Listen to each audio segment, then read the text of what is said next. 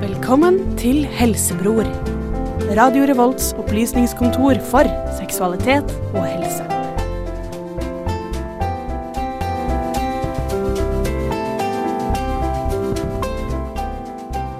Velkommen, Trondheim. Vi snakker med Hører på Preben i Helsebror.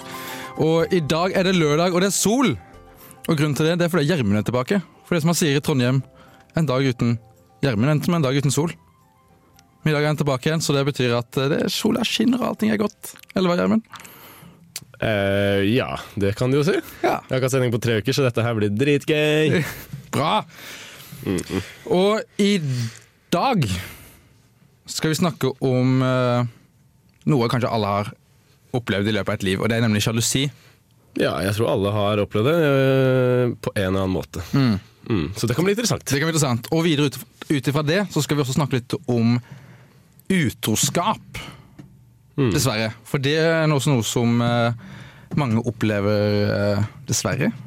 Ja. Mer og mer. ja, Vi får se hvor dessverre det egentlig er, Ja, da. er det så ille som de skal ha det til? Så det er det vi skal diskutere i dag. Ja. Eh, Men ja. Eh, før det Før det Skal vi høre på litt musikk og sånn, men hvor kan vi det er det jeg tenkte å si. kontaktes? Hvor kan de få kontakt med oss hen? Eh, ja. Vi har Facebook. Vi har Facebook. eh, på bare lik siden og sånn. Eh, Hva er Facebook.com det- slash helsebror. Hva er det ikke å RR like? eller noe sånt. Ja, jeg, tror at, ja, jeg vet ikke. Du kan sendes melding til oss. Melding til 2030 Ja. eh, RR og ditt, eh, ditt spørsmål, eller hva du måtte lure på. Send spørsmål om eh, sjalusi. Har du en historie om sjalusi, kanskje? Ja, alt mulig rart Og som utroskap. kan, eh, kan komme til oss. Vi vil ha det. Instagram. Instagram. Og har vi mobilen her, så kan vi også har vi har vel eh, oss og det her gode inst... Nei, fanken. Hva heter det? Instagram. Nei, jeg sier ikke Insta, jeg mener ikke Instagram. Jeg mener Snapchat, ja. Snapchat. ja. Send oss et bilde om sjalusi, ikke utroskap. Mhm. Eller utroskap. Jo, jo, Eller utroskap. Vær så snill og send Eller noe noe kleint bilde. utroskap. Ja. Send noe morsomt. Radio Revolt er det vi heter på Snapchat. Eh, ja, det bør stemme. Det bør stemme. Legg oss til. Lik oss på Instagram og på eh, Facebook. Nå hører vi på en låt, og det skal bli Halcyon Years av Panda Panda. Du hører på Helsebror på Radio Revolt. Velkommen tilbake igjen. Du hører på Helsebror. Og vi skal snakke om eh, sjalusi og eh, ja, utroskap. Men la oss ta for oss sjalusi først. Hva er å være sjalu, folkens? Eh, det er jo å, å Ja, hvordan skal man si det? Å vil ha noe som man ikke får. Eller eh, få noe som du ikke vil ha, kanskje. Nei. Her kommer det fram. Ja, men jeg, tror, jeg tror alle vet hva sjalusi er. Alle kan men- kanskje ha vært hatt følelsen av å si at du vet selv når du er sjalu, men kanskje og det å beskrive det er litt vanskelig? ja. Men det som er at man skal egentlig skille litt mellom misunnelse og sjalusi. Og de to ordene forveksles veldig ofte. Ok, For du vil ofte si at 'å, jeg er så sjalu på en eller annen fordi hun har en eh, fin kjole', eller noe. Men da er du egentlig misunnelig. Du er ikke sjalu. Ja, for det er noe misunnelig det er når du ikke unner noe til en annen. Ja, eller det er mer at du vil ha noe noen andre har. Da Ja. er du ikke sjalu, da er du misunnelig. Ja. Men da sier man veldig ofte at man er sjalu. Ok, Så vær sjalu, da. Sjalu er hvis, eh, hvis du har godteri, eh, og så har jeg lyst på godteri, men jeg kan ikke få godteri. Eh, så er jeg sjalu på deg fordi du har godteri. Det var jo akkurat det jeg Ah, sa. Det var ikke det Misunnelse. misunnelse, da. Er det Ja, misunnelse? men- Det er jo sjalusi som bare rakkeren. Nei, men Sjalusi er jo at du er redd for at noen skal ta noe fra deg. For det er, men da- nå ble jeg, jeg husker ikke lenger hvordan man kalte Jeg tenker som det her at sjalusi det handler om angsten for å bli forlatt og for å bli lurt. Så det er for å miste noe. Ja, ok. En av de som har et lavt Misunnelse er sånn, «Å, jeg vil ha det». selvbilde, f.eks., Ja, kan man, oppleve man trenger ikke å ha Altså, oftere sjalusi. ja, men Det er jo ikke nødvendigvis dårlig selvbilde. Jeg tenker at alle følels, har den følelsen sjalusi.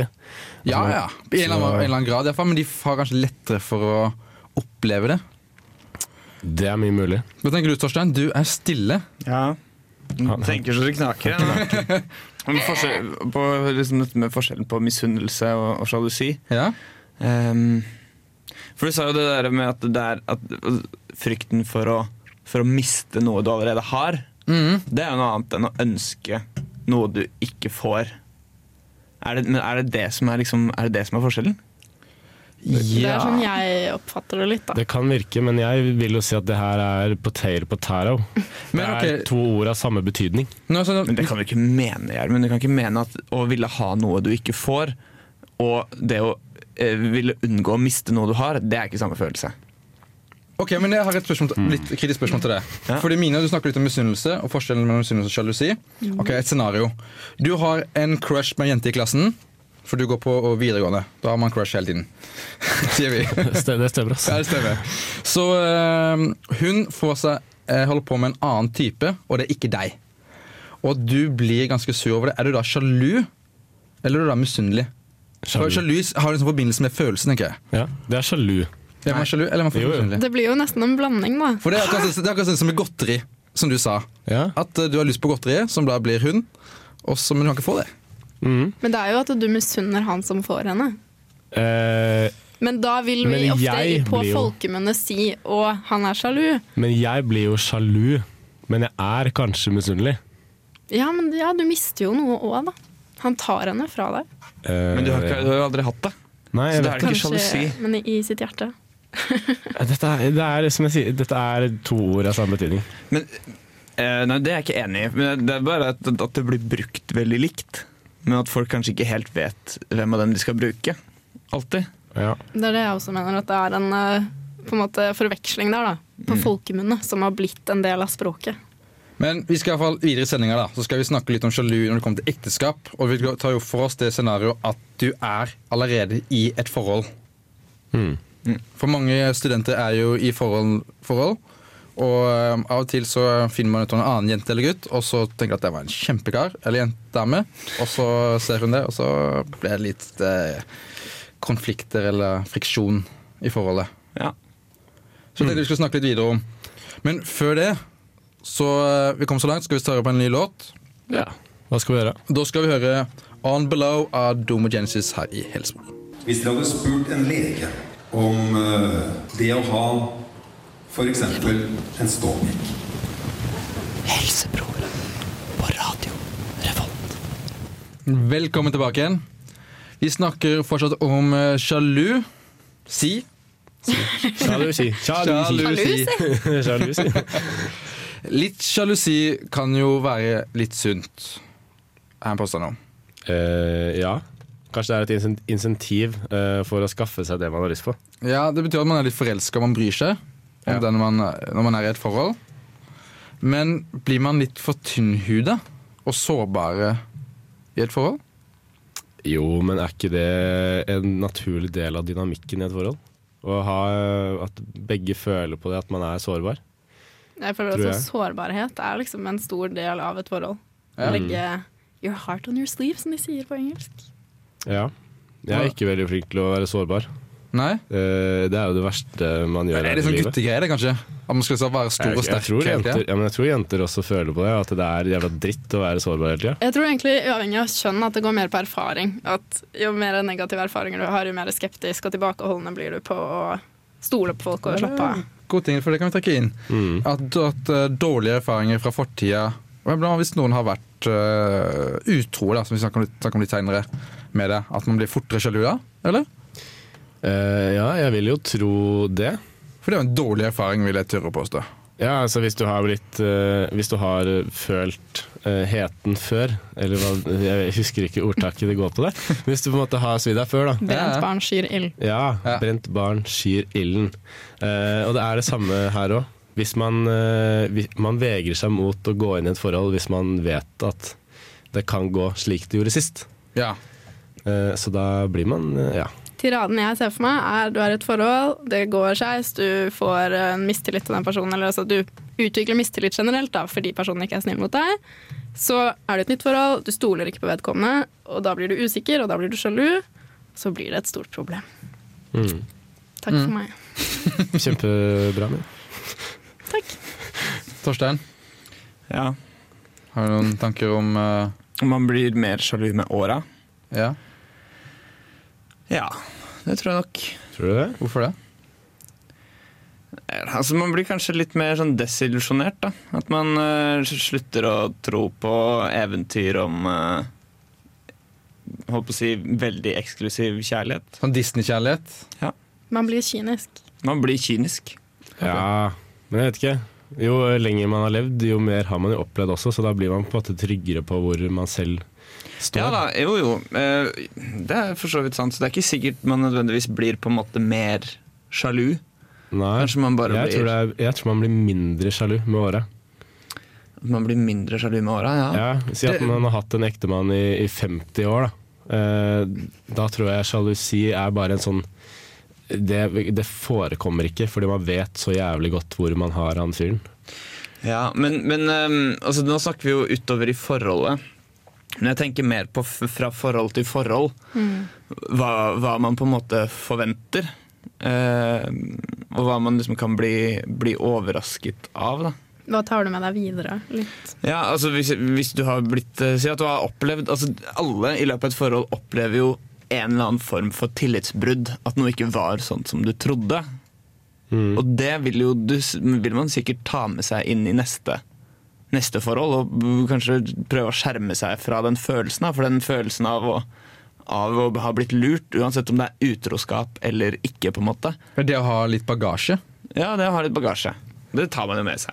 Men jeg tror jo litt som Gjermund sier òg, at du vil på den ene siden kanskje ta med deg negative erfaringer og skepsis, men du vil også lære hvordan du håndterer ting og kanskje bli flinkere til å oppdage tidlig tegn på ting du ikke ønsker i et forhold og sånt. da.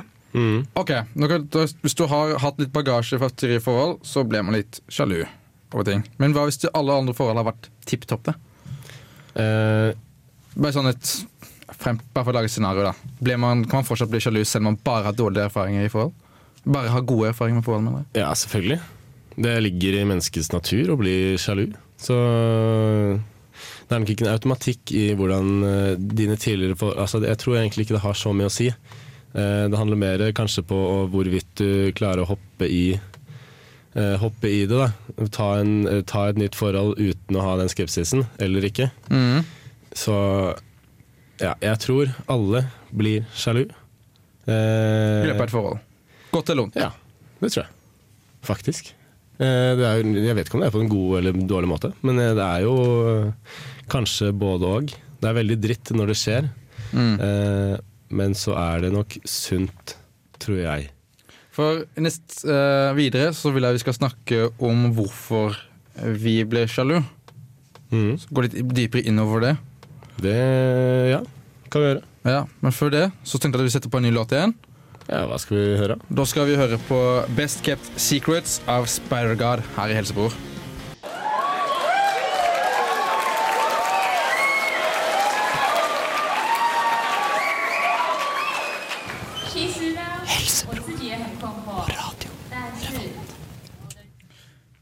Yes. Vi skulle snakke litt nå om eh, og hvorfor vi ble sjalu, men jeg tenkte også at vi har snakka det om egentlig ak akkurat. Så jeg tenkte jeg laga et scenario, og jeg kunne diskutere litt rundt det. Og da hadde jeg laga et eh, følgende scenario, siden vi er med flest gutter i studio her, så ble det Jaså, ja. så ble det at eh, det er en mann som er i et forhold med en dame. Hun er En kveld så sitter du i sofaen og ser på noe på Netflix, eller noe sånt, og så sitter hun foran telefonen og kniser og ler mye. Og du spør hvem, hva er det hun ler av, men hun vil ikke svare på det. Og så spør du ok, hvem skriver du med. Hun vil heller ikke svare på det. Hva gjør du da? Unnskyld, kan jeg bare kaste inn at da er du en gjøk, ass, hvis du sitter og bare flørter med en kar ved siden av typen din. Ja, Det er jo jenta som gjør det. da i Men, dette men du vet scenarioet. ikke om det Ja, men da er den er fyren. hun en gjøk. Ja, men å Jeg vet ikke om jeg mistenke ikke det er jo Da er du sammen med en dust. Takk. Ja, mange er sammen Føler duster, jeg har så mange. hvorfor ikke? Ja, men altså, jo, fordi dette her, nå, Du vet jo ikke om det er det hun flirer av. Nei, det er Nei. Det kan liksom Liksom- være, det Det kan er jo litt være som Schrødingens katt, da, hvis jeg hørte eksempelet. Du må liksom åpne, dere er deres neste matematikk og fysikk, vi vet jo hva det er. Altså, må- du må liksom åpne denne boksen for å se om katten er død eller ikke. Fordi eh, etter alt eh, Ja. Det er jo, den er jo høyst sannsynlig levende, men så er den jo høyst sannsynlig død også. Ja. Men det var nok Schrødingers Det var nok Schrødingers katt. ja, nok, om- nok om den katten. Altså, Det her er jo ja, For det første, du vet jo ikke hva som foregår. Så Nei. du har, ikke noe, du har ikke i utgangspunktet noen skjellig grunn til å være sjalu. Nei. Men, eller, altså, eller, nei, du har ikke noen grunn til å være mistenksom, er vel eh, den rette måten å si det på. Eh, men jeg skjønner jo at man kan føle seg sjalu, fordi her er det et eller annet som blir holdt fra deg, som Ja. du trodde var ditt. Mm. Og det er det, jeg, det er det jeg føler at sjal- sjalusifølelsen eh, bunner ut i. At det er ikke nødvendigvis eh, en slags altså det, det er mer en slags grådighet da, enn en misunnelse, på en måte. At det ligger litt nærmere, litt nærmere det, fordi du har, du har en forventning om at en, en del av en annen person tilhører deg, og så viser det seg å ikke være sånn. Og det er veldig tungt. Det har jeg kjent det sjøl flere ganger. Eh, og det kan være en veldig veldig kjip følelse. Det er, sånn, det er et par ting som på en måte krasjer. da. Ok, Videre i det scenarioet her, så eh, er det bare kvelder hun har bare gått ut. Hun sier liksom ikke hun skal bare ut og møte noen, sier hun, men hun sier ikke hvem det er. Og du sitter igjen og ser, fortsatt ser på TV. Og det begynner å bli litt, nå begynner det å bli litt rart. Hvorfor sier du ikke hvem hun skal ut med? Og du bør ha liksom litt mistanke ut ifra den her s- Knisingen. knisingen fra tidligere og tidligere. Og dagen etter så går hun i dusjen, og så hun legger telefonen på kjøkkenbenken. Hva gjør du da? Da ser du iallfall ikke gjennom meldingen hennes. Fordi det er eh, Ja. Da er må du ikke heller, da, det er ikke lov, faktisk. Da må Det er du ikke heller- lov? Da er det bare heller bare å ta det opp med, med personen. Fordi ja, Det blir bare feil uansett. det når blir du begynner feil der. uansett. Men hun vet ikke at du ikke går og sjekker telefonen. eller- Men tenk hvis du gjør det, da, og så finner du ut noe. Du bare OK, du finner noen meldinger eller noe. Da må du jo fortelle henne hva du har gjort, og så må jo dere Du kan ikke ta det opp, da, fordi du har egentlig ikke gjort noe du ikke Så skal sin- gjøre. Ok, Videre scenario her, så leser du går til telefonen og du ser, leser meldinger. Og så ser du at det er en som heter Knut, og han sier 'Hei, det blir gøy å se deg senere i kveld. Gleder meg'. Ah, Knut, ass. Jævla Knut, ass. Typisk sånn utronavn òg. Jævla Knut. Nei da, men eh, Hva vil, hvordan vil du håndtere situasjonen? da? For da, Nå begynner det å bli suspekt her. Hvorfor s- han gleder seg til å se henne? da da eh, spør du litt sånn eh, indirekte sånn Ja, er Knut eh, er han, han er psykologen din, eller noe sånt? Eller et eller annet sånt? Du kan ikke si det, fordi da avslører du Da det. vet Ja, Ok. For, da avslører, Eller- da, da, for du vet jo ikke hvem Knut er. Eller, ja, eller så, eller så eh, går det over, og så, og så fucker du opp kvelden hennes med Knut. Og sier sånn I kveld så skal vi på eh, tikka masala-middag på Indian House. ok. Å ja, sånn at hun må velge. Nei, men her, dette her blir, det blir et spill. Ja. Det er, det er ikke bra, det heller, skjønner du. Nei, på Game of Thrones nå. Du, du, du, du, du, du. Poenget er jo at uansett hvis du begynner å lese meldingene til noen, så har du gravd deg ned i et hull. Ja, Men Ja. hva hvis du- det du finner der, ikke altså, Hvis du finner en skatt. a- avslører noen andres på en måte utroskap, da, eller altså, dårlig oppførsel i forholdet? Det er et paradoks der, fordi noen ganger så altså, For jeg tenkte jeg snakke litt senere, Hva går grensa mellom det å være sjalu og det å være naiv? Sorry, altså, bare sånn for å ta det. Ehm, ja, eh, fordi i en rettssak, for eksempel, så er det jo ikke, kan du ikke bruke beviser som du har kommet over på ulovlig vis. Så hvis jeg er utro mot min kjæreste og sender nakenbilder av meg selv til en annen jente, og da min kjæreste går inn på min mobil, som hun på en måte ikke har lov til, som ikke er en lovlig måte å finne bevis på, så kan det på en måte egentlig ikke brukes mot meg. Eller det hadde ikke kunnet, kunnet blitt brukt mot meg i en rettssak. Ja. Nei, Jeg skjønner hva du sier. Men så her er det to stykker som eh, Som gjør feil, da, på en måte. Ja. Ok, på slutten av nå da Eh, Så eh, la oss si at det ikke står, det står at Jeg gleder meg til å ha deg i kveld Står det på den meldingen her Og Ja. nå liksom, det er sånn klar bekreftelse at Hun liker meg av personen her Hva gjør du da? Eh, da må du jo konfrontere henne. Men det er jo sånn som, sånn som Gjerm, eh, Torstein sa At da har du liksom gjort noe ulovlig Ja, det er en Men jævlig jeg bare, try, jeg bare trumfer det overalt At hun har vært utro Drit i at jeg har sjekket telefonen Du har vært utro, det er mye verre Er det ok å si? Ja, men uansett. Det er, eh, det er jo for seint å snu når du på en måte har, eh, har gravd deg ned, som Mina sier. Så der må du bare konfrontere og si Vet du hva, jeg kom over en melding på mobilen. Eh, Du er utro. Jeg stikker. Eller ikke stikker, da. Men, eh, Ja, for det tenkte jeg også Å ta litt på den utro-biten litt senere mm. men eh, ja, jeg tror man i første omgang så burde man ta det tidligere. Fordi det er eh, Bare ikke, ikke gidd å gå på andres mobiler. Og det er et sånn Ja. Du har Men ikke noe ikke der å gjøre. bare før du når det punktet, si til kjæresten din jeg blir usikker når du holder på sånn, jeg ønsker å vite hva det er. Fordi det gjør meg ukomfortabel og sjalu. Mm. Snakk med din partner. Åpenhet. Kommunikasjon, altså. Åpenhet er eh, the key to success. Eh, Det er, ingen som har Thank lyst, you. det er ingen som har lyst til å være den som ber om å få se på meldingene til kjæresten sin. Det er ingen som har lyst til å være den som innrømmer 'jeg blir sjalu når du holder på sånn', 'jeg blir sjalu når jeg ikke vet'. Men noen må gjøre det. Ja, Jeg du skjønner trenger jo jo ikke å be om å temposvakhet, se eh, meldingene heller. Du kan Nei, jo bare bare vite hva som si skjer. hva er det som skjer. Ok, men eh, yes, La oss høre på en ny låt, og så går vi videre. Og da vil jeg snakke om hvordan man håndterer eh, litt sjalusi. Vanlig sjal... Ja. Ja, det kan vi gjøre. Og eh, da skal vi først høre på Get Me Drunk av As She Said her i Helsebor. Du hører på Radio Revolt med ny norsk musikk her på din DAB-maskin eller på internett. Velkommen tilbake igjen. Så eh, f- Mine kjære helsefamilie her, hvordan håndterer man sjalusi på best mulig måte i et forhold? Eh, det var jo som vi konkluderte eh, sist stikk med. Ja, Det er åpenhet, rett og slett. Kommunikasjon. Ja. Det er, eh, det er jo egentlig den gylne regel i et forhold og vennskap og det som eh, mer hører til. At, ja, ja. Jo mer man snakker sammen, jo, jo bedre får man det. Ok, hva kan, det- hvordan, hva kan sjalusi i verste fall påføre forholdet? Eh, I verste fall kan det jo påføre et eh, samlivsbrudd. Ja, et uutholdelig, en uutholdelig mistillit. Ok, Ja. Det er veldig kjedelig å være i et forhold der man ikke stoler på hverandre. Og Ting blir bare dritt. det er utrolig slitsomt. Det er veldig utmattende å gå rundt og ikke stole på noen. Fordi hver eneste gang man skal ut, eller sitte på mobilen, eller hva da, så tenker man det verste.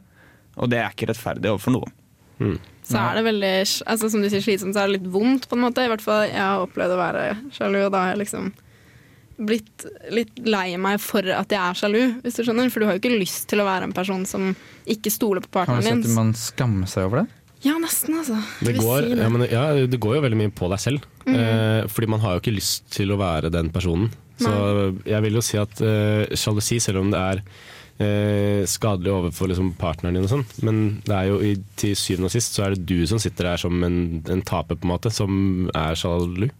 Og som den som ikke er sjalu, så er det en ting som man må huske på, og det er at det nytter ikke å krangle med den som er mest lei seg. For hvis du kjefter på den som er mest lei seg, da er det alltid du som kommer til å ende opp som drittsekken. Så du kan ikke si ja, men du har ingen grunn til å være sjalu, du kan ikke gå rundt og være sjalu, for jeg har ikke gjort noe gærent, og og partneren din fortsatt er lei seg. Så har du fortsatt et problem. Mm. Så hvordan håndterer du det da? Altså, alle seriøse og gode forhold tror jeg til syvende og sist en eller annen gang må ta et oppgjør med sjalusi.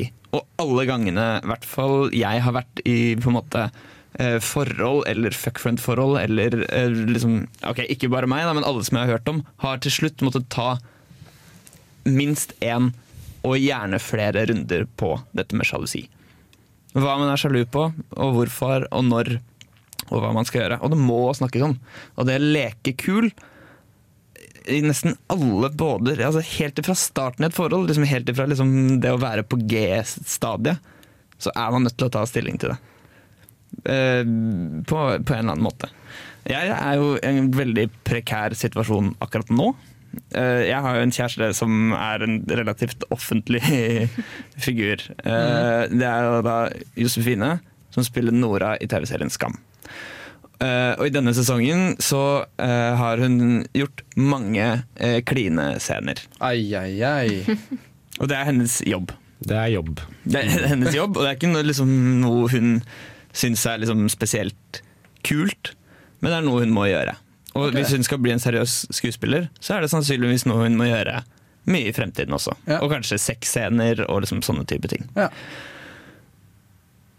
Lenge så gikk jeg rundt og tenkte ja ja, dette her, dette her er jo bare fett for henne. Her må jeg bare vise at det er kult, for jeg kan ikke ødelegge noe for henne. Fordi hun er- har liksom akkurat nå en veldig blomstrende skuespillerkarriere. Så her kan, ikke jeg, her kan ikke jeg gå rundt og liksom vise at jeg er plaga av det. Være ankeret. Men etter hvert så viste det seg jo også overfor meg at dette er noe som plager meg. Ok, Ja, det er selvfølgelig. Ikke sant? Det, er en, det er en situasjon som veldig få ender opp i i løpet av livet, og måtte liksom ta stilling til det. Men jeg opplevde at det her plager meg. en del. Og jeg syns ikke det er noe gøy, og spesielt siden vi må til Oslo for å spille inn de scenene. Og det går liksom en tre-fire-fem dager. Ehm, og så vet jeg liksom at det foregår der, men jeg sitter her oppe og må gjøre mine greier. så det plager meg. Eh, og så vet jo jeg at hvis, jeg skal f kunne, hvis det skal bli hennes karriere, og jeg skal fortsette å være i et forhold med henne, så kan jeg på en måte altså For det første så må jeg jo Jeg må jo begynne å like det. Jeg må jo begynne å synes at det er kult, og at hun er flink når hun gjør det, og, og være stolt av det. For hvis, fordi jeg kan ikke sitte og holde det ut hver gang. Og det er det jeg tenker på når det kommer til, til sjalusi, at hvis du er veldig sjalu på at kjæresten din f.eks. går ut, eller snakker med andre, eller har guttevenner eller jentevenner, så må man lære seg å like det. Man må lære seg å se det positive, fordi man kan ikke basere et forhold på å holde noe ut. Så det er ikke nok å bare akseptere det. Nei. Og ofte så er, vil man ikke begrense partneren sin. Man vil ikke si 'ikke gjør sånn', 'ikke gjør sånn', eller, altså, for du har ikke lyst til å si at det å være i et forhold med meg betyr et offer fra din side. Men på et, eller annet tidspunkt, eller på et tidspunkt så måtte jeg si til Josefine da at eh, hvis du skal være kjæresten min, så må du være obs på at det er ting ved det du driver med som noen, gang pla som noen ganger plager meg. Så det vil si at du kan ikke Altså. eh, det, er, det vil alltid være en trade-off da, når man er i et forhold. Det, var- det, er- nå høres det veldig dramatisk ut, det her, men det var bare noe, noe Det er et godt eksempel. det er et Ja, jeg veldig, synes det det. er et veldig spennende Og det er ikke eksempel. et eh, eksempel mange, så altfor mange er i heller. Nei, det er det ikke, men det illustrerer jo, da, fordi det det, det det går på, er at dette er én side av Josefine, altså en fysisk side av Josefine, som i utgangspunktet jeg trodde var eksklusiv til meg. Nemlig liksom klining og klemming. eller sånn- Kjærestegreier. Ja, sånn kjærestegreier. Som hun nå må gjøre med en annen person. Og selv om jeg vet at det ikke er noe liksom, følelsesmessig involvert her, så er det jo liksom, det er jo, det er, Da føler jeg det er noe som blir Som ikke var, er bare mitt Du lenger. har jo ikke helt kontroll over situasjonen du er i. Nei. Fordi det er faktisk eh, Altså, hun driver og kliner med en annen fyr. Ja, og så er det hundre- hundretusenvis av mennesker som ser på det på TV også. Ja, ja. Men handler, sjalu- bare for avslutningsvis handler sjalusi mye om kontroll? Jeg tror det. Eh, Jeg tror at alle egentlig har lyst til å ha kontroll over enhver situasjon de befinner seg i. Eh, Så ja, det blir naturlig nok, det. Jeg tenker liksom overførbart da, fra det Torstein snakker om, er litt at eh, når man eh, er i et forhold, så det du sier, ikke sant. Jeg føler at min sjalusi kom av at jeg hele tiden drev og spilte på og liksom sa at nei da, det går fint, og gjør hva du vil, og jeg tok aldri hensyn til hva jeg selv eh, egentlig følte om det, da, fordi jeg hadde lyst til å være en kul kjæreste. Og da klikker det for deg, liksom, fordi du holder inne masse ting du egentlig føler, og så kommer det ut på andre måter. og Jeg tror det er det som bygde min sjalusi. Ja, man blir sånn bombe man smeller av og til? Ja, eller at du blir litt sånn gæren, rett og slett. Fordi du går og holder inne alt du føler. Ja. Et verste tilfelle når det kommer til sjalusi, så kan det bli sam at man, man slår opp. Men det nest verste, kanskje, er vel utroskap. At sjalusi kan føre til utroskap. Eller man rett og slett er sjalu fordi man er redd for den andre er utro. Jeg tror det er he- vesentlig mer vanlig. Ja. Men man kan vel kanskje bare tenke at ok, denne personen er ikke verdt å være sammen med. Han er sjalu hele tiden. Jeg ligger med han. Kan det være sjalu? Kanskje? det kanskje? kan Mulig. fort, eh, fort skje. Ja. Så eh, vi tenkte å snakke litt videre om utroskap. Hva er det? Det får du høre her i Helsebror. Hold med oss. Her har du Fog av Carl Creek her i Helsebror. Og tungespissen treffer evighetens port.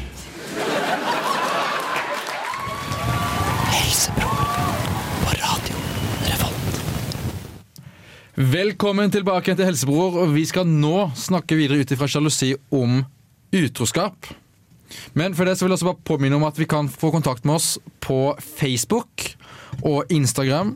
Og du kan sende oss spørsmål eller en flott historie Eller på mail. eller på mail. På telefonnummeret 2030 På mail, jøss. og på mail. Eh, Helsebror.radiovolt.no. Stemmer bra, Torstein. Eller legg oss til på eh, Snapchat, Radio Revolt. Så enkelt som det. Send oss en liten video, eller send oss et bilde. Send alt du vil. Alt du vil. Men utroskap, ja. Kan vi si at en utroskap er når man har sex med andre? Eh, Eller er det så enkelt svar på det? Hvor går grensa hen? Man kan godt si det. Det er jo på en måte det, det siste steget i utroskap. Men men jeg har eh, Altså, det er, det er nok en gråsone som, eh, som man bør være klar over. Ja. Ok. Jeg leste her på eh, KK, altså Kvinner og klær. Kvinner og klær. Kvinneguiden. Og um, der står det at ekspertene mener der at eh, grensene for utroskap ikke alltid går ved sex. Det Nei. er spørreundersøkelse på det her. Og da spør de, Hva mener du? spør de da. Og da var det 1000 stykker som ble spurt, og 63 svarte ikke overraskende ja. Men 29 svarte på kommer an på hvor personlig forholdet er, og 8 da nei. Alt opp til, alt opp til sex er ok. Hva tenker du om det? Eh, jeg tror det er litt mer intrikat enn som så.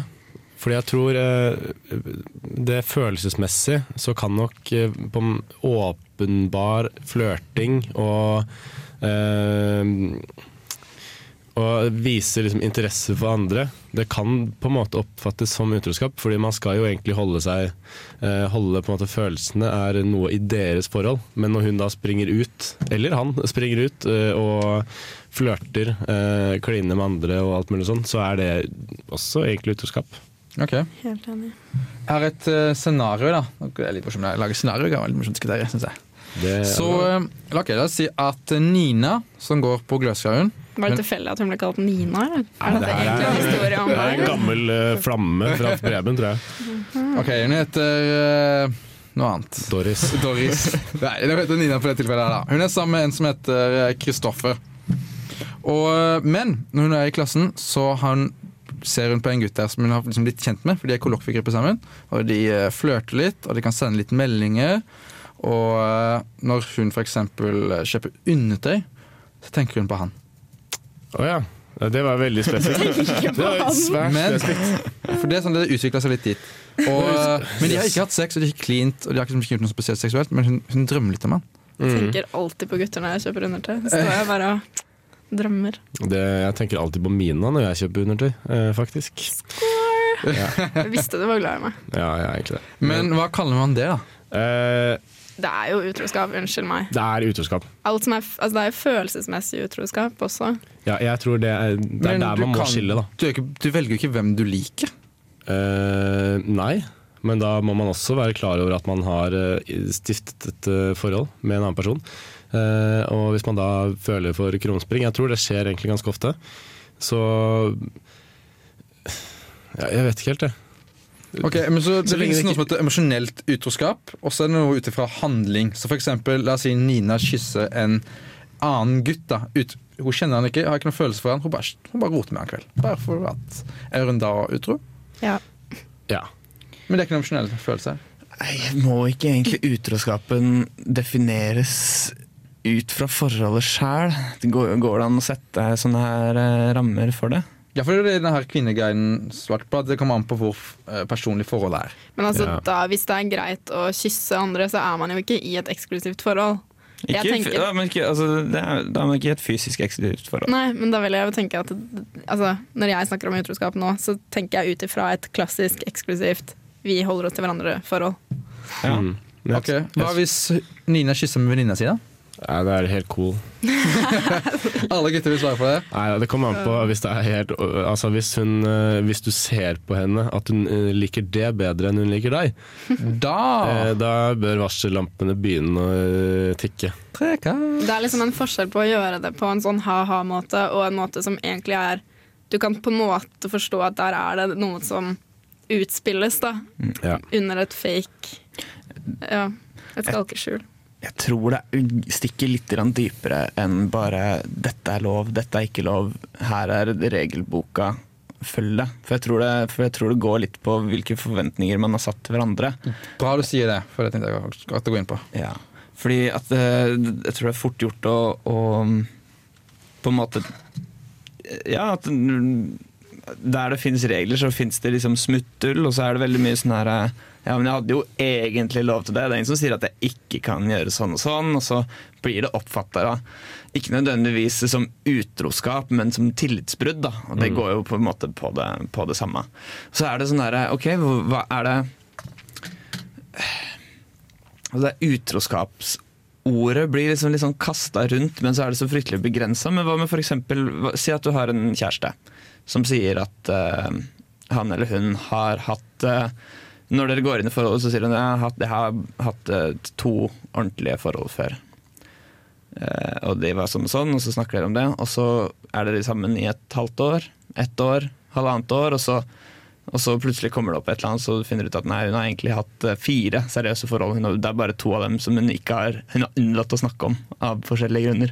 Og at hun, eller at hun har for eksempel fryktelig mye mer seksuell erfaring enn det hun ga uttrykk hun, eller han eller hun Det ga er vel uttrykk ikke det for. vanligvis spør en jente, så sier de alltid et lavere tall enn det som er sant. Akkurat Ja. som gutter gjerne ganger på noen ganger. Er det utroskap?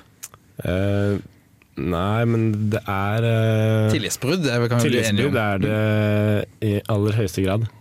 Men eh, Er det alvorlig? jeg tror ikke, jeg, jeg, jeg tror ikke det, man kan definere utroskap på det, måte, det viset. Da blir det veldig bredt igjen. Så det kan ikke være utroskap for noe som har skjedd i fortid, det må skje liksom i noe nå, eller Ja, Men kan vi ikke bare f si at utroskap er forbeholdt eh, sex, da? Og så kan vi kalle det an- eh, sex og klining og roting og sånne seksuelle ting. Og så kan vi heller s- si at, kalle de andre tingene for tillitsbrudd, men, si, men at det kan være like alvorlig og like god grunn til å Ja, grunn til mistanke eller at ting må tas tak i. I alle fall bli en, snakk om det, og bli enige om hvor grensa går, tenker jeg da. klar grensesetting. Ja, riktig. Ok. Så tenkte jeg å gå litt videre og spørre om hvorfor man hvorfor er, finner man på noe for på å bli utro. Så det er det vi snakker om etter vi har hørt på Worries av Mats Vava. Har jeg elsket. Du hører på Helsebror med Torstein, Gjermund, Mina, Kristina og Preben. Swag. Du hører på Radio Revolt med ny norsk musikk. Fuck. Fuck. Velkommen tilbake igjen til Helsebror. Og vi snakker nå om eh, utroskap. Og eh, hvorfor er man utro? Tro. ja, hvorfor er man utro, tror Ja, jeg? hvorfor er man utro, tro? Det, er, eh, det kan være flere grunner for det. Ja. Min eh, første, det første som popper i hodet mitt når eh, jeg tenker på det, så er det at man vil eh, Man trives ikke i sitt nåværende forhold. Så Nei. da har man lyst på et, et sidesprang som kan, som kan piffe opp eh, livet ditt. Man Ok. prøver å finne noe man mangler hos en annen, på en måte. Ja, veldig riktig. Jeg tror at noen ganger så er det sykt mye enklere. Jeg tror at i veldig mange tilfeller så er det bare noe nytt. Ja. Ja. Det er noe annet. Annerledes Forandring nytt. som fryder. Ja, for, for forelskelsen i et forhold den varer jo ikke ut livet. Eh, nei. Eller Her er- jeg hørt. Forandrer seg. Her- det forandrer seg, ja. Ja. Man lærer å forelske seg på en annen måte, sikkert. Jeg føler at forhold kommer til en sånn kneik hvor veldig mange slår opp, som er at du går fra å være forelsket, og så begynner det å roe seg, og så går man over til å liksom elske noen, og det er noe annet som ikke er like spennende, men som er litt trygt. Og, og Så der det- tror jeg mange skjærer seg i den overgangen. Ok, Så det er litt som å løpe maraton. bare for å gjøre det metaforisk her, At man liksom løper og løper, så er man kjempesliten, så møter man veggen. Og når man kommer over den, så kan man liksom bare fortsette kjempelangt. Løpe på en Mm. eng. Jeg føler at det er et paradoks her, når det kommer til dette med at- at utroskap er spennende fordi det er noe nytt. Samtidig som om at man de fleste, Jeg tviler på at Jeg tror de fleste som er utro, også har lyst til å være Altså fortsette i det forholdet der hvor de er.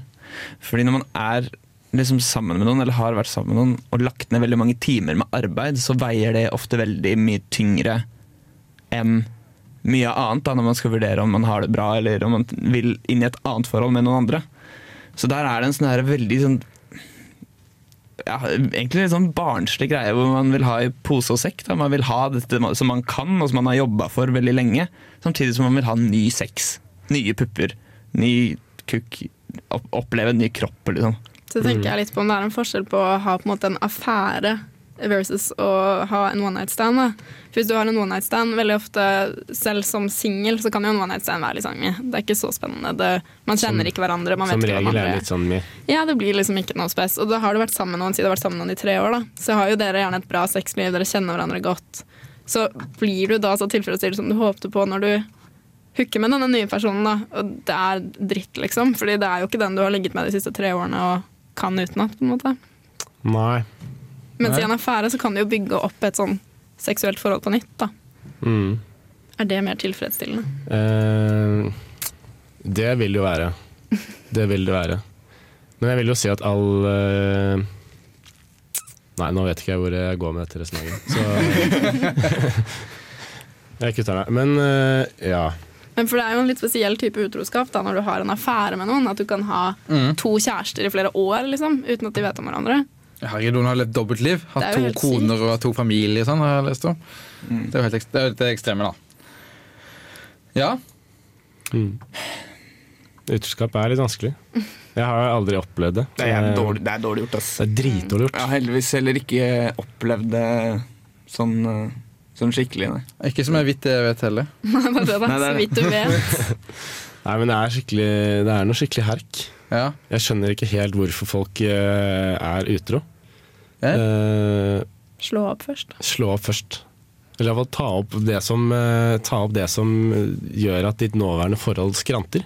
Det er jeg faktisk ikke alltid helt enig i. Det finnes scenarioer jeg mener er at det kan hjelpe med et utroskap. At det nødvendigvis ikke er s- ødeleggende. Hvordan skal dette gå til? Det skal du høre om om litt. Ok, ja. For først skal vi høre på Knife Edge av Matt Corby her i Helsebror. Knife edge. Knife Edge, ja. Nei, Matt. Nei, nå at det- Mammaen og pappaen deres traff hverandre for første gang.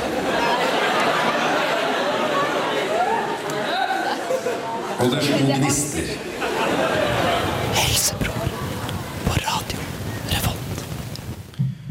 Velkommen tilbake igjen, og vi fortsetter å snakke om utroskap. Og jeg sa noe om at utroskap ikke nødvendigvis burde være noe dumt. Og nå vil jeg bare starte med å si at jeg anbefaler ingen å være utro med noen. Så jeg mis ikke øh, tenk meg som en skikkelig skikkelig skurk her nå for å si det jeg sier nå. Men utroskap, mener jeg, kan være starten på noe nytt. Og det mener jeg med at i et forhold så vil det være gode og dårlige tider, og kanskje når du opplever at parten din har vært utro, så er du kanskje virkelig ute og kjører. Nå er det, nå er det storm, men klarer du å komme forbi den, så er det sol på andre siden. Mm. Hva Altså, tenker du om det? Jeg ser den, liksom, men jeg bare føler at jeg personlig tror ikke jeg hadde klart å komme over det at den personen hadde vært utro mot meg. da. Man lever jo alltid i frykten av at det kan skje igjen, tenker jeg. Ja, Du mister jo tilliten til partneren din. Ja, det er et eh, totalt eh, tillitsbrudd som eh, jeg i alle fall ikke hadde klart å leve med. for jeg tenker at Det handler om å finne hverandre på nytt. da. Ja, men det- å finne hverandre på nytt eh, etter eh, et utroskap, det tror jeg eh, Det blir for vanskelig for meg, iallfall. Jeg, jeg føler det ikke. Nei? Eh, Jeg kan ikke, tro, jeg kan ikke se at det har noe godt med seg. For rett og slett. Noen vil jo ture å påstå at hvis du har ikke du møtt den rette i gåsetegner at det- Når du møter den rette, så vil du ofre alt. Du vil gjøre alt, og du er villig til å Mhm. prøve. Ja, men Er det noen som Jeg mener tror, jeg tror at nok det er man utroskap? kan øh, Hvis man er veldig veldig forelsket i noen sånn, så vil man tilgi jævlig mye som man Sånn som, altså For å dra det langt, da, eksempelet er kvinner som blir slått. ikke sant? Og så Mm. er de så glad i henne at de tilgir det uansett. Og det blir litt inne på det samme. på en Han er måte. ikke alltid sånn. Han er så snill og veldig hyggelig Ja, ikke til også. sant? Men da tenker jeg bare at øh, Nå husker jeg ikke hva jeg tenker lenger. Nei, men, Faen, Peter. ja, men jeg er eh, med på den. Det kan ha noe godt for seg, kanskje, men jeg tror ikke det funker. Jeg kom på hva jeg- Kjør. at selv om du kan tilgi det, og det kan hende at det hjelper på ting som du sier, og sånn, så tror jeg uansett så blir det, som vi snakket om tidligere, en mistillit som Uavhengig av hvor mye du elsker personen, uavhengig av hvor mye du tilgir deg, så vil du alltid ha et eller annet sted inni deg et stikk som sier deg eh, dette ble er jeg litt sånn, usikker på. Ok. Ja. Hva tenker du, Torstein? Du er jo i et forhold. Ja. Kan Nei, nei, utroskap det har- eh, Nei, ikke- gjøre dere sterkere? Kroken på døra. Det er kroken på døra. Jeg tror også det. altså. Beklager å si det. Men det er, eh, det er rett og slett så råttent gjort mot en partner eh, og mot deg selv og alt. eh, At det Ja, For jeg prøver Det går liksom, jeg ikke an å prøver liksom å få tilgives. fram at forholdet er nødvendigvis ikke over fordi det er utroskap. Nei, men- det kan reddes. Bare at det, må, det, det kreves noe av deg og av hen, han eller henne, andre partneren. Og hvis dere kommer forbi det, så kan det bli, kan det bli bra igjen. Ja. Vel, og kanskje sterkere enn det det var tidligere. Men det er jo noe som heter For de vil jo få en litt gang skam, den som har vært utro også. Og så kanskje tenker at ok, det her vil jeg aldri gjøre igjen. Jeg har såret den jeg er så glad i. Ja, Tenker du om det? Men det er noe som heter en gang utro, utro alltid utro. Mm. Eh, og der tror jeg kanskje det kan ligge noe. For dette her er eh, personlighetstrekk som gjør at man faktisk eh, kan gå utover et eget forhold. Det eh, er faktisk forskning som sier at øh, du kan være genetisk anlagt for utroskap. Jaha. Eh, og jeg, eh, jeg vil tro det at eh, det er nok frykten for at det skjer igjen som egentlig er verst eh, når det først har skjedd. Og der tror jeg ikke det går, det kan bygge på en måte eh, forholdet opp igjen, hvis du lever med en frykt om at han eller hun kan være utro. Det, det, da er det sånn altså. tillitsgreie der som ikke bør være der. Ok. Nei, Jeg tror kanskje vi kommer ikke helt en enighet for det, da. Men kan, en annet spørsmål kanskje vi kan komme en enighet om. Hvem har skylda for det? Hvem har skylda for det? Den som er utro. Den som er utro. Er det åpenbart alltid? Jeg Ja, syns det. hvem, ja, hvem skal få kjeften her? Den ehm, utro delen i et, i, i, av forholdet som blir utsatt for utroskap. Eh, partneren som da er, er blitt utroskap mot. Jeg vet ikke helt hvordan jeg sier det. Eh, eller den som er eh, utenfor forholdet, som da ligger med en i forholdet. Mm, han eller hun har i alle fall Tredjeparten, altså? Tredjeparten. Er Ja. det en skurk? Eh, Ja.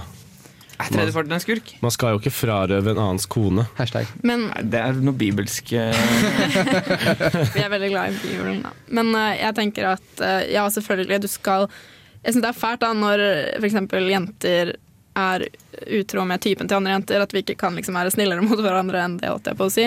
Men til syvende og sist så skal det ikke være mitt ansvar å passe på at din kjæreste ikke prøver seg på andre. Det er jo han selv som skal ta ansvaret for å ikke Damn girl, Det er riktig. cold ass, ass! Ja, men det er riktig. Det er veldig riktig.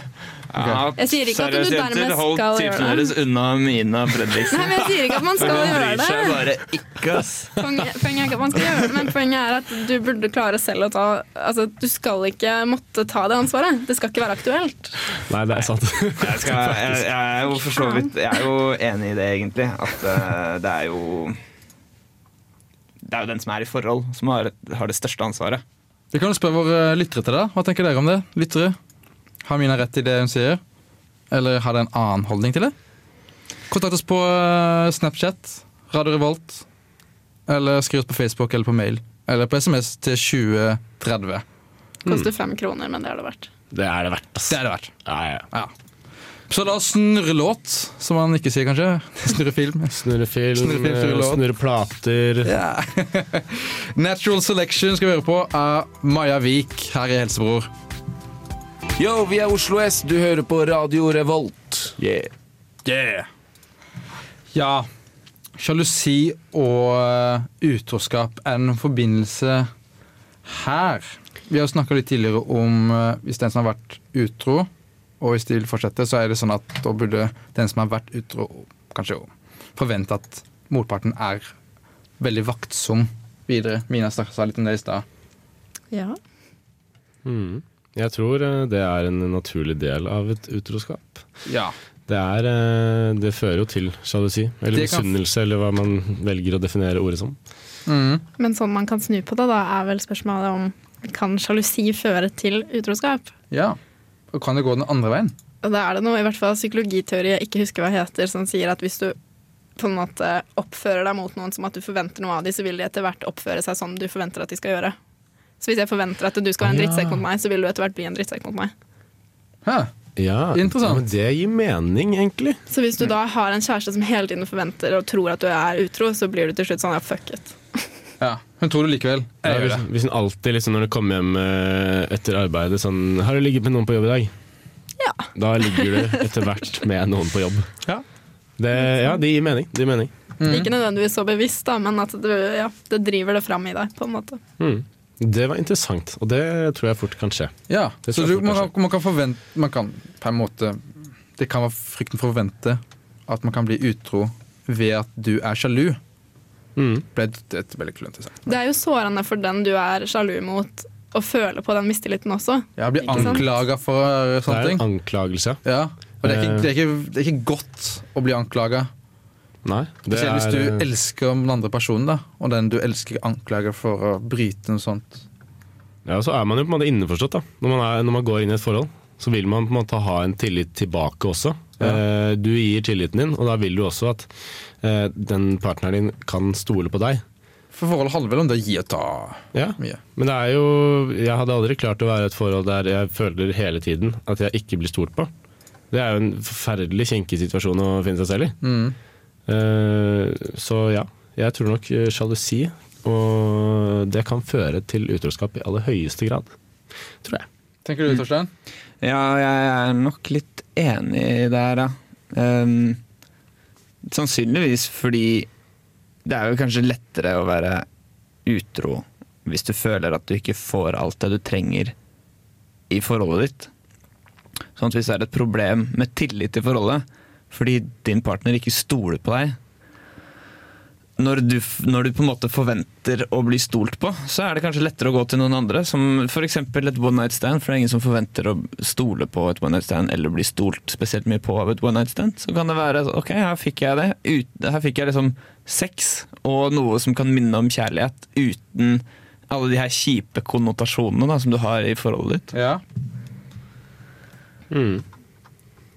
Søker etter noe en gang var. Nei, men eh, ja. jeg tror egentlig rådet vi har å gi, er bare drit i å være utro. Det er et godt råd. ass. Ja, Ikke det er gjør et godt råd. Og det kommer nesten av seg sjøl òg. Nå skal vi eh, ha en quiz. Eh, Mina, du har eh, forberedt noe her, tror jeg. Oh yeah. Ja, det vi kan dere glede deg til, for nå skal vi også høre The Heart of Me av Max Snow her i Helsebror.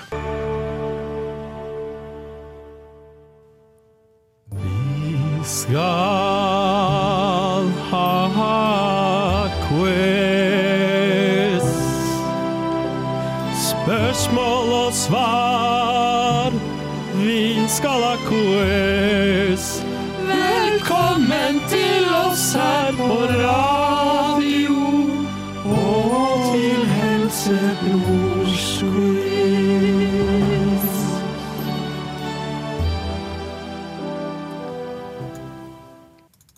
Ja, vi skal ha quiz, og det er Mina som har ansvaret for det i dag. Yeah, yo. Hva for spørsmål har du til oss? Nå har jeg funnet spørsmål om sjalusi og utroskap, fordi jeg er original og tar det vi skal prate Det om. er en sjalusi- Ja, og det er bra. utroskapsquiz. Ja, rett Har og du slett. spørsmål som Torstein ikke kan svare på? Ja, det håper jeg jo. For han har vunnet hver gang hittil. Hei, hei, hei. Det er ikke sant. Jeg Mina har vant. vunnet én gang. Har du Jeg det? vant Eller to ganger, overlegen. kanskje. Ja, Og så ga fordi jeg er jeg- ja. supersmart. Så la oss roe ned et par hakk her. Men du er jo også, du er jo også veldig glad i å vinne, har jeg skjønt. Jeg da. vet, jeg er Så litt jeg unner bitter. ikke deg å vinne. Jeg er litt bitter over ikke å være Det med er nå. faktisk eh, Jeg vinner, jeg. Du har Ja, på vi det. får se nå, da. Jeg håper ikke jeg vinner, for jeg er jævlig dårlig vinner. Ja, det blir bra. Vi får se nå, da. Nå starter jeg. Er dere klare? Ah, ok. Ja. Helt skjerpa. Ok, Dette er forskjellige studier, da, så det kan godt hende det ikke stemmer helt, men vi satser. Hvem er det, ifølge en studie, mest sannsynlig at opplever sjalusi? Høye eller lave menn? Hmm. Det er det store spørsmålet. Dette er et lurespørsmål. Jeg starter. Jeg sier lave. Eh, jeg tror ikke det er eh, Jeg tror kanskje det er høye. Det Fordi er høye, dette men- her er et lurespørsmål. Ikke, ikke, Jeg det tenkte, at, jeg tenkte også julespørsmål, men nei, jeg tror ikke det. ikke det at jeg er så jævla sjalu. Altså, jeg, jeg, Er målte det noe meg du jo, prøver å si nå? jeg målte meg jo på, på politistasjonen, og da var jeg faktisk 1,95. Guri. Eh, så jeg er jo 1,95 sjalusi høy. Eh, men eh, ja, jeg tror det er høye. Ok, Torstein. Jeg tror jeg er lave. Jeg tror også jeg ikke Ok. er lave, men jeg visste de to skulle si det. Ok. Har du bestemt deg? Ja, det er høye. Ok. Det er høye. Ja! Gjermund får ett poeng. Det var et lurespørsmål. Står det noe om hva det kommer av? Det visste de ikke, men de syntes det var ironisk at det var høyere nivåer på høye menn. Ja, men det er høye menn har toppstillinger og sånn, ikke sant? Så de, har, eh, de drar eh, på businessreiser og sånn, og så har de Kan gjerne man snakke koden. høyt om deg sjøl her Ja, men nå? det er jo sant, da! Statistikken lyver ikke. Ok, Hvor mange prosent utro menn oppgir følelsesmessig behov som årsak til sitt sidesprang? Prosent? Mhm. Nærmeste tier, eller eh, Ja, vi kan godt si det. Nærmeste tier, OK. 60. 60 Jeg tror det er 80 det. Det er, må jo være en av den eneste grunnen til at man er utro, tenker jeg. Jeg tror det er 80. Ok. Torstein?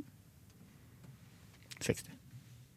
Det er 92 prosent! Eh, Så vant da jeg? Vant er det jeg? Vant Gjermund. Nok en gang. Skal Gjermund vinne quizen i dag? Ting skjer, ass. Det er en ny eh, verden. Søren, ass. Det hjalp med en liten pause med påskeferie og Han har alt. sittet og lest og lest og lest. Jeg har bare blitt jævlig mye utro og sjalusi. Tenk Eller sjalu. sjalu. Sick. Ok, Hva regnes som en årsak til at kvinner er mer sannsynlig å være utro i dag enn før? Det er faktisk økt med 40 sannsynlighet. Er det én grunn du er ute etter, Det eller er det finnes flere? to mulige årsaker her. To Så mulige. dere kan få ett poeng. Hvis Kan du dere... stille et spørsmål en gang til? Eh, Det er Hvorfor er det mer sannsynlig at kvinner er utro i dag enn det var før i gamle dager? økonomisk uavhengighet, sier jeg. Er Eh, det fancy svar. det er faktisk økonomisk uavhengighet. Eller at kvinnen har, styrer sitt eget liv mye mer enn eh, de gjorde før. Det velger jeg å si, da. Ja, jeg ville si det siste du sa. At kvinner bestemte sitt eget liv mer, mer frie Mm. fra sosiale normer enn det var før. Svarene er faktisk ordrett økonomisk uavhengighet, og at vi reiser mer. Så dere får alle poeng. Ah, kan ikke jeg få litt mer poeng for at jeg sa det ordrett da Nøyaktig. før? Det spørs om Gjermund også hadde sagt det. Ok, hvis... Men, men Preben sa ikke det. Han sa bare at Nei, men, han sa at, Hei. men et annet svar er at vi Hei, hei, hei, reiser hei. mer. Men hvis man hadde sagt at eh, man reiste mer, eh, kunne man fått dobbeltpoeng da? Siden det, måtte du opp, det må du opplyse på forhånd. Nei, det... Ellers så hadde jeg sagt at de reiste mer. Nei, fra nå Nå er av jeg- nå er jeg en så skal jeg passe spiselig på. vinner. Nå er jeg en uspiselig Nå vinner. er stillingen 3-1-1. Dere får bare la det være sånn. Ok, Hvilken sykdom er menn som er utro mer utsatt for å få? Klamydia. Nei, eh, hvilken sykdom? Ja, Eh, er det én mulig sykdom du er ute etter? ja det er en ting. D- Da tror jeg det er sykdom, altså. Det er ikke, det, det er ikke greit å si på en måte hjertesvikt eller noe sånt? Det er en sykdom, per definisjon. Ok, da tror jeg det er hjertesvikt.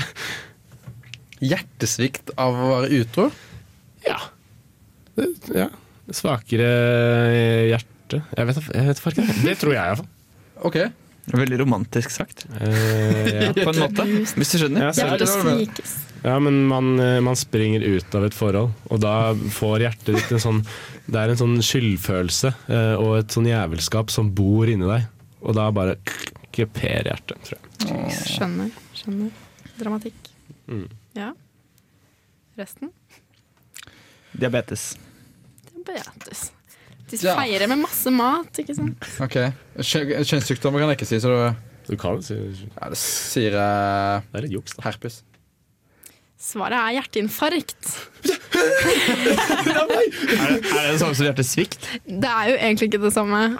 Eh, men du kan jo få hjertesvikt som følge av nedsatt hjertefunksjon ved et infarkt, da. Men eh, Det var på en måte det jeg prøvde å si. skal vi si Da. et halvt poeng, da? Hvor mange spørsmål har du, Mina? Jeg har åtte. Ok, Så vi har tre igjen?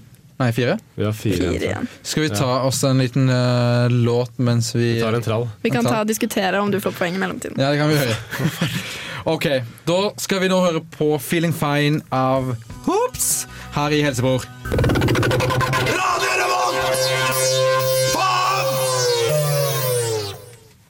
Faen, det går litt dårlig for quizen her. For meg, iallfall. Gjermund, du Sjarmerende, må jeg si. Ja, takk. Jeg sa at jeg var en dårlig vinner. Eh, jeg ser det. Um, vi har blitt enige om at du får 0,75 poeng for hjertesvikt når svaret er hjerteinfarkt. Det er en liten bagatell. På tele på taro. Ja, det sier jeg også. Men hvis det er 25, eh, eller 0,25 prosent- nei, poeng som skiller meg eh, og seieren, Ja. da smeller det. Da tar vi det utafor, jeg tror. Ja, da vil jeg si det. Eh, det som er fakta med det, er at de- de er mer utsatt for å få hjerteinfarkt når de har sex med en elskerinne. Statistisk sett. Aha. Hva er den mest vanlige årsaken til sjalusi? Eh, nei, jeg, Mistillit. Preben sier mistillit. jeg tror det er eh, nysgjerrighet. På sjalusi? Jeg skjønner Å ikke. ja, helt spørsmålet. sjalusi! Mhm. Nei, Jeg tror det var utuska, det. Nei, men eh, Den største årsaken til sjalusi? Vanligste. Gjermund svarte eh, nysgjerrighet. Nei, nei, nei. nei, nei. sier du? Venner av han Altså venner. Altså, med Gå kjent- for å vinne, du. Venner. ja, altså venner. Ja. Ok. Eh, Motsatt kjenner vi. Jeg tror det er eh, Sjalusi, ja. Det, at- ja. Jeg tror det er eh, nysgjerrighet. jeg vet ikke. Altså, Jeg er jeg glad kommer du ikke på tok den. den betenkningstiden der. Jeg kommer, kommer ikke på noe bedre. Den mest vanlige årsaken er ekskjærester. Så ingen Ah, ja. får poeng. Det skulle du ha tenkt rett og slett. Selv om man kan jo være venn med ekskjærestene sine, da, som Torstein var litt inne på. Men eh, det blir ikke noe poeng av slikt. Nei. Hvilken dag er den mest populære for utroskap? Hva er slags dag? Ja, det vil jeg godt. Det er en ukedag, da. Ehm, Nei, ukedag, ja. Um, Et ukedag? på. Det er en økt sannsynlighet. En dag i uka bør du være ekstra nervøs. Det er eh, Fredag, som fredag. Kan det være så enkelt? Nei, det er ikke, det er ikke fredag. Vet du. Helgen eh, er hellig for familien, så jeg tror dette her er en eh, snakk om en onsdag. ja. Gjennomsnittsdag. Onsdag, ja. Mm, en onsdag. Ok, Så nå har vi fredag, fredag, onsdag. Nei, jeg sier ikke fredag, jeg sier øh, tirsdag. Tirsdag, Ut på onsdag, tirsdag. Kan man fredag. Mm. Onsdag er riktig!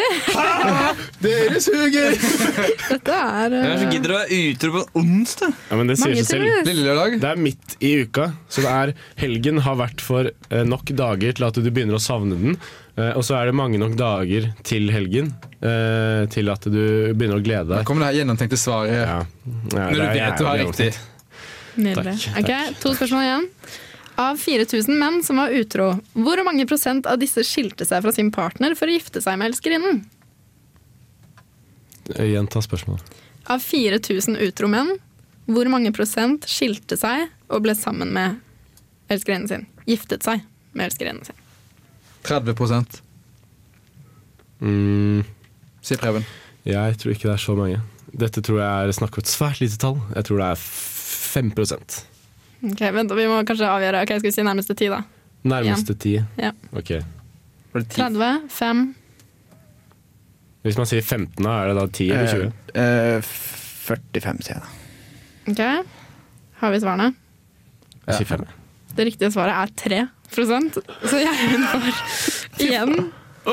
Det her er, eh, Det er en, eh, nesten så jeg tror at du har sendt spørsmålet til Gjermund på forhånd. her. det er en banebrytende dag, det her. Altså. Ja, det skjer faen aldri.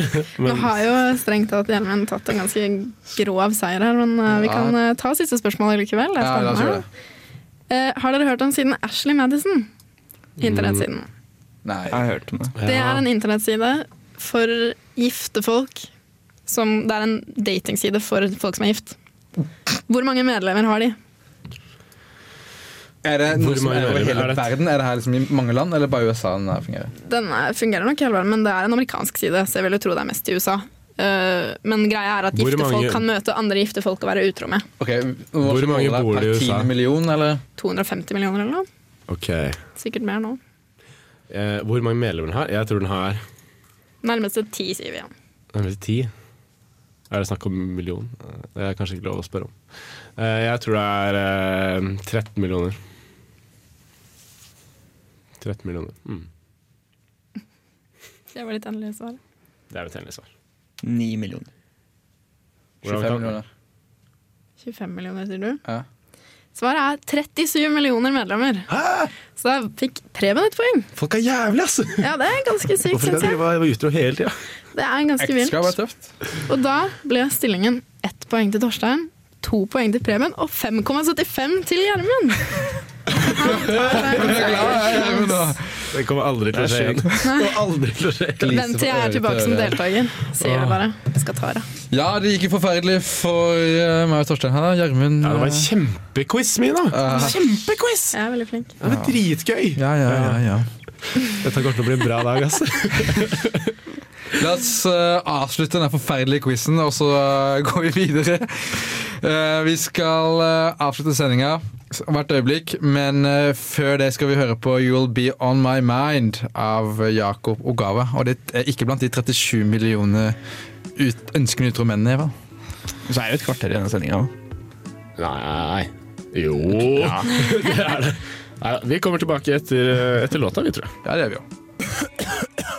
Klør og svir og det er jo rødt. Så kom, eller kommer på en måte når jeg vrir på den. Det lukter sånn rart noe jeg spiste. eller noe. Det er bare når jeg ler, eller bare når jeg puster. Jeg vet ikke, jeg driver og klør. En slags dyr host. Noe svir. Det er på en måte et svir, eller sånn kvalm, på en måte på huden. Ukens sykdom. Ukas sykdom, ja. Som egentlig ikke er en sykdom den gangen. For eh, jeg vil snakke litt om allergi. Mm. For nå er det jo pollensesong. s- Rett rundt hjørnet. Ja, starter ikke den ø, neste uke, kanskje? Offentlig Den er notert. den datoen. Pollenfestivalen ø, neste uke? Ja, leger slår alarm på den her igjen. Ja. Men hva er allergi? Mm. Som sagt, det er ikke noen sykdom. Eh, det er Vi har noen stoffer i kroppen som heter allergener. Og eh, det, det at der disse stoffene ikke reagerer naturlig på ulike ting om, rundt oss, som f.eks. det vanligste er da husstøvsmidd, myggsopp, pelsdyr, næringsmidler, legemidler f.eks., metaller og selvfølgelig pollenkorn fra gress og trær. Og da er det jo vanlig at mange begynner å klø, og de renner nesa, de hoster Det kan være mange ulike ting. Eller for utslett, blant Ja. annet. Hva gjør man eh, med dette? her? Eller er det noen kur? Er det, går det an å bli kvitt det? Hva er det personlig for meg, da? For jeg har fått nylig allergi. Og det er jo Nylig, ok. husstøvsmidd. Og da gikk jeg til legen og sa at eh, jeg reagerer når jeg er eh, hjemme og når det er støv og, husstøv, og rundt senga mi, for derfor er det mye husstøvsmidd. Og ehm, da gikk, ble jeg tatt ned i et annet rom, og da fikk jeg sånn husker jeg, katteklo fra 7. klasse. Er ikke det det? heter? Man blir skrapet på hånda, og så får man sånn stoff i Det er sånn BCG-greier. Nei, PSG er en sprøyte, men jeg fikk en liten klo på underarmen. Ja, det heter man to-prøver, tror jeg. Ja. Du får s- sånn. Vi fikk, eh, fikk du tar forskjellige ting som altså, kan trigge allergiske reaksjoner, og så ser man hvorvidt du reagerer på det. Eller ikke. Ja, Jeg tror forresten sånn man test tror er fikk jeg. tuberkulose, som du tenkte på. Sånn, Det er test- innenfor BCG. sånn fikk jeg. Og da var det et par ting jeg reagerte på. Da fikk jeg sånn litt, litt hoven reaksjon, og da f- kunne jeg liksom si at det her er du allergi mot. Og da fikk jeg da allerg, sånn eh, antihistamin, Ok. som kan hjelpe i sånne små tabletter. Det er piller, Sånn, liksom? Ja, små tab ikke piller, men tabletter. Ja. Og Eller du kan få nesespray, avhengig av hvis det er nesa som tettes, for det er nesa mi som eh, ble tett. Ja.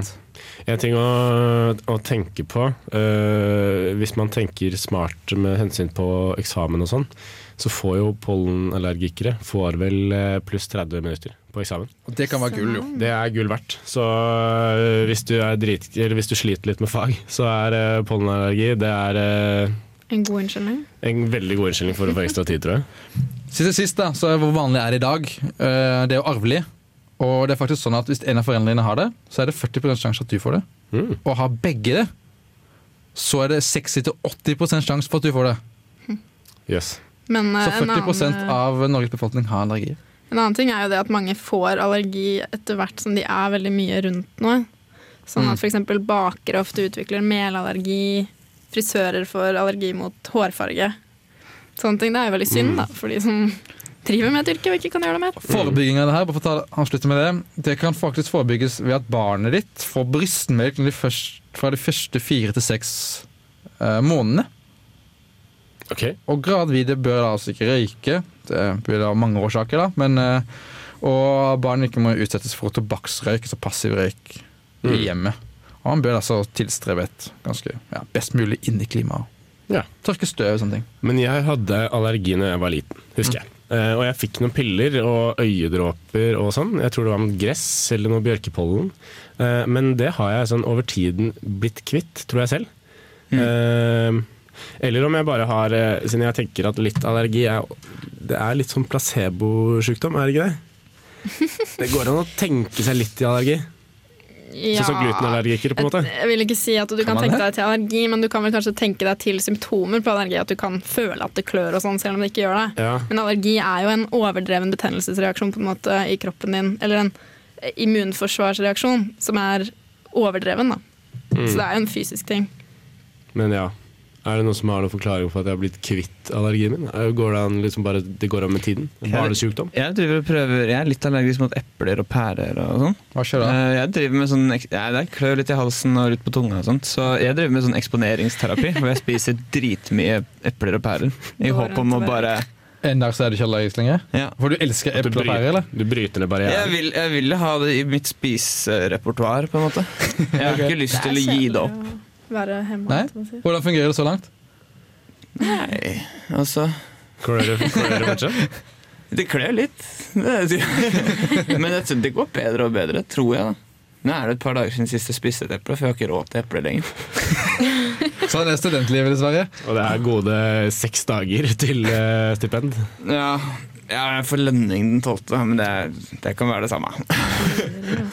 Nei, digg. Da må vi snart begynne å wrap it up. Ja. Ukas sending er ferdig. Ja. Ja. Er vi helt ferdige? Eh, nei, vi- altså vi har tid igjen. Ja, ok. Men ja, eh, vi vil gjerne takke for oss. ja, selvfølgelig. Eh, Det er jo helg, så alle får ha en kjempegod helg, alle sammen. Mm. Ta vare på deg selv. Ikke vær Også Mm. hvis du utro, og har- ikke vær utro mot kjæresten din nå i denne helga Ikke her. være utro. Nei, snakk Også med hverandre. Altså, hvis man har noen Si fra spørsmål i og hvert fall sånn. hvis du skal være det. Ja. Og ikke drikk deg full og bli kjempesjalu og sånt heller. Det er de bare dårlig stemning. Snakk om følelsene dine. Snakk om følelsene Vær dine i åpen, ja. helgen. Kommunikasjon. Dette er en følsom helg. Dette blir dritbra. Ha det gøy. Ha det gøy. Ha det bra. Ha det bra, folkens. Ha det fint.